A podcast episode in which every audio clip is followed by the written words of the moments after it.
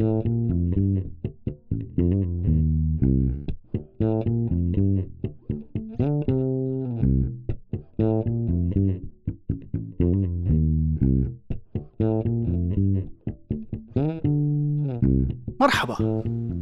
المثل العربي الأصيل بيقول إذا حبيت حب قمر وإذا سرقت أسرق جمل. وإذا بدك تعمل بودكاست عن نقد الموسيقى في الوطن العربي بلش بزياد رحباني.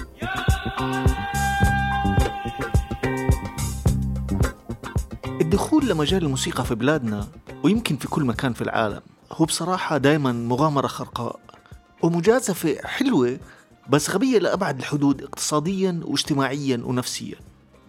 وزياد رحباني يمكن يكون من أهم إثباتات هاي النظرية.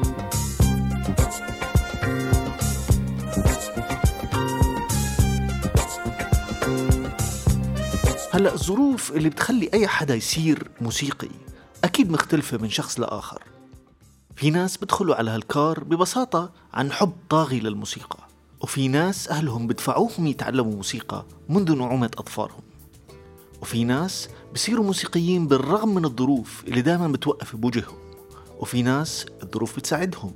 وفي ناس بتحس من خلال شغلهم إنه مغصوبين على الشغل غصب وبتمنوا يشتغلوا أي إشي تاني. زياد كان وضعه مختلف عن أي حدا تاني. أمه فيروز تقريبا أشهر مغنية في الشرق وأبوه عمه من أهم من أنتج الموسيقى في الوطن العربي في القرن العشرين. فسهل علينا نقول إنه خياراته بإنه يصير ميكانيكي ديزل كانت محدودة. وسهل نقول إنه أخذ الشغلة وراثة بدون الحاجة لأي تفكير ولا جهد وكانت طريقه للشهرة والمجد الفني أسهل من أي حد تاني ممكن نتخيله. بس إذا ركزنا بالموضوع شوي رح نكتشف إنه ما كان بهالبساطة. حالي تعباني يا ليلى صدي ما فيش انت غنية يا ليلى ونحن درويش قبل ما نغوص أكتر خلوني أقول أهلا وسهلا فيكم في بودكاست ليش أسمع؟ البودكاست الخفيف اللطيف اللي بستغيب فيه معاكم بعض أهم الموسيقيين والموسيقيات في المنطقة العربية والعالم. وبحاول فيه أقدم نقد موضوعي خفيف لأعمالهم وتحليل لأثرهم على المشهد الموسيقي وعلى المجتمع بشكل عام. فسواء اتفقتوا معي باللي رح أقوله أو ما اتفقتوا بتمنى دايما إنكم تستمتعوا بالحكي. وما تنسوا إنه كل الكلام دايما مطروح للنقاش. فتواصلوا معنا من خلال وسائل التواصل الاجتماعي والكومنتات واحكوا لي رأيكم إذا بتحبوا.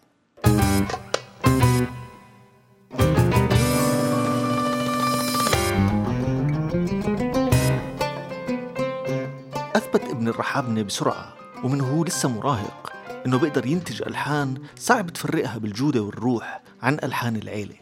فأول لحن غنته فيروز لزياد كان سألوني الناس اللي انعمل لما كان جوزها عاصي مريض ومش قادر يشتغل. وبعدها برضه لحن لها حبيتك تنسيت النوم. اللي برضه نجحت نجاح عملاق زي سألوني الناس ولساتهم التنتين لحد اليوم من أشهر أغاني فيروز. والحقيقة إن لو حاولنا نحلل هاللحنين بشوية عمق أكتر رح نلاقي فيهم بداية تمرد واضح على فكر السلف الرحباني. جمل لحنية شرقية غنية وتغييرات إيقاعية ومقامية متأثرة بوضوح بطرق تلحين مدرسة الشيخ زكريا أحمد وقبله الشيخ سيد درويش. فكان من الممكن وقتها للي بيسمع يتوقع إنه هذا هو الاتجاه اللي رح ياخده زياد في حياته الموسيقية. بس كان رح يكون غلطان. يعني ما كان رح يكون غلطان مية بالمية لأنه الفكر الدرويشي ضل مع زياد في أغلب حياته الموسيقية وخصوصا لما صار يشتغل على مسرحياته الغنائية اللي أنتج من خلالها كتير من الأغاني اللي شهرته وشهرت أسلوبه في التلحين وكتابة الكلمات. اللي بلش يصير من خلالها مختلف جذريا عن أسلوب الرحابنة الغايص بالرومانسية الحالمة المفرطة. وبدلها برومانسية حالمة تانية بس مصنوعة عشان تكون أقرب شوية للناس اللي بالشارع وللشباب اللي من سنه والأفكار اللي بيحملها. مش بس تلفن لي مش بس تسلم لي احفظ لي هالعنوان. بيهمك أمري وأنت مش مين ما كان. زياد استغل شهرة عيلته الموسيقية ليوصل لعدد كبير جدا من المستمعين بسهولة غير متاحة لأي حدا مش بمكانه سواء في لبنان أو خارجه وسواء هو قصد أم لم يقصد.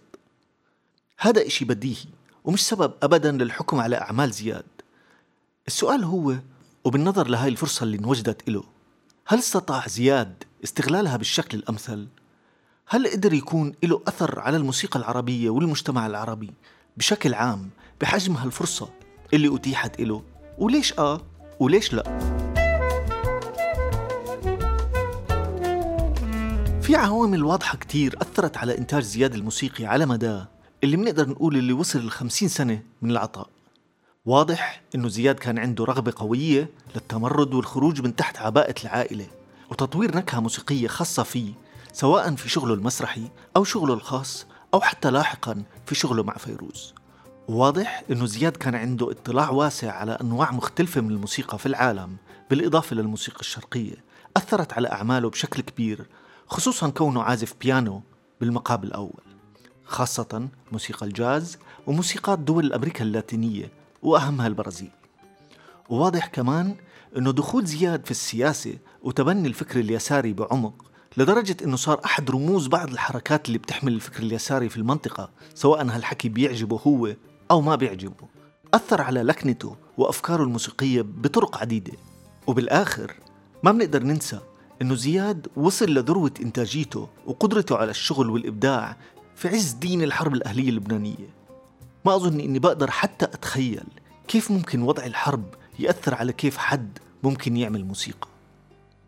طيب المهم بالآخر شو اللي طلع معه؟ بما إنه البودكاست مش ممكن يكون عشر ساعات ومضطرين إننا نختصر رح أمر على الموضوع في bullet points مع شوية توضيح عشان نقدر نوصل لاستنتاج مفهوم في الآخر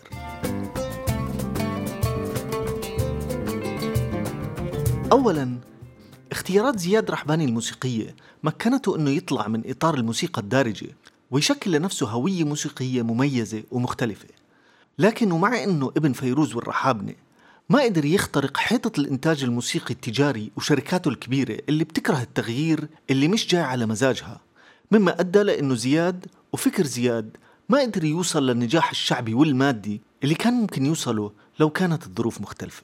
هاد أثر على زياد بشكل شخصي زي ما هو صرح عدة مرات في مقابلاته وعمل له إحباط يمكن يكون مبرر إلى حد كبير.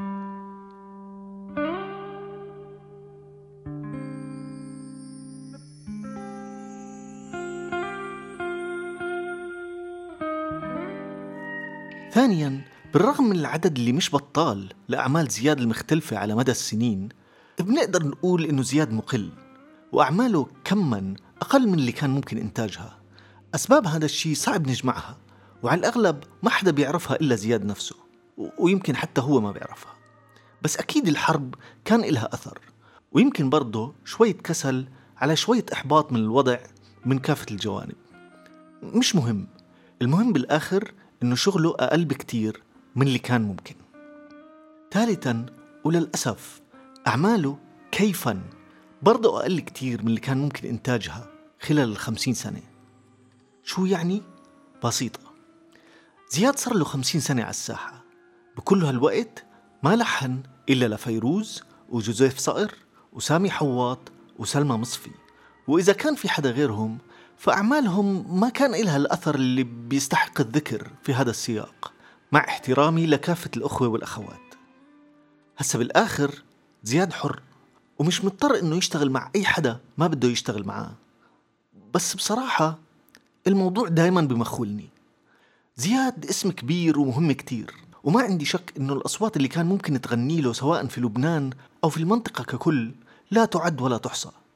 ومثل هذه التجارب كان ممكن تعمل أثر كبير وتوصلنا أعمال عظيمة. ما عندي فكرة واضحة شو كان المانع الحقيقي لمثل هاي التجارب إنها تصير. لكن عندي قناعة إنه كانت فرصة كبيرة وضاعت. كان ممكن تعمل فرق.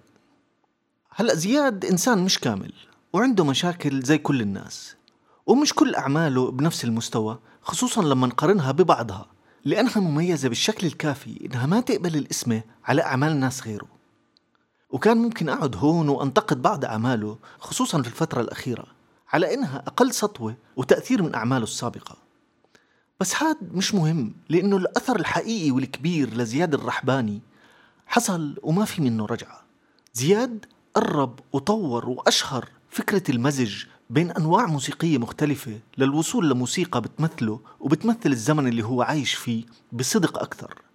زياد ما شاف إنه مضطر يلتزم بأي قوالب مصنوعة مسبقا لشكل ومضمون موسيقته وقدر يعمل موسيقى بتشبهه هو ما بتشبه شو المجتمع بتوقع منه كموسيقي.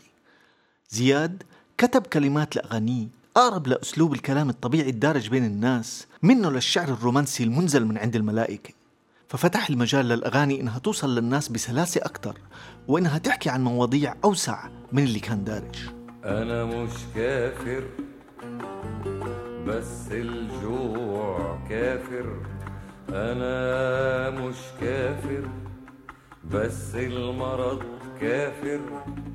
أنا مش كافر. وبالنهاية للأسف هاي الثورة اللي عملها زياد ما أثرت بشكل كبير على الموسيقى التجارية الدارجة في الوطن العربي.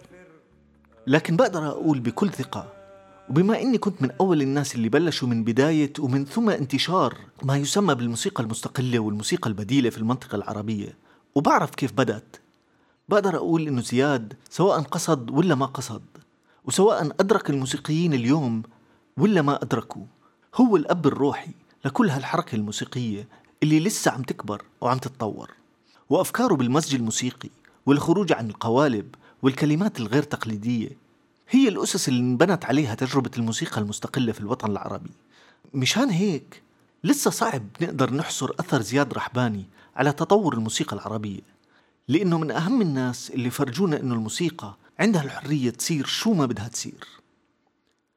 وهيك بنكون وصلنا لنهاية هالحلقة من بودكاست ليش أسمع اللي قضيناها مع أحد كبارنا اللي علمونا السحر زياد رحباني.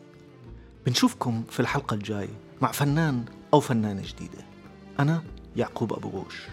ورافقتكم أنغام السلام.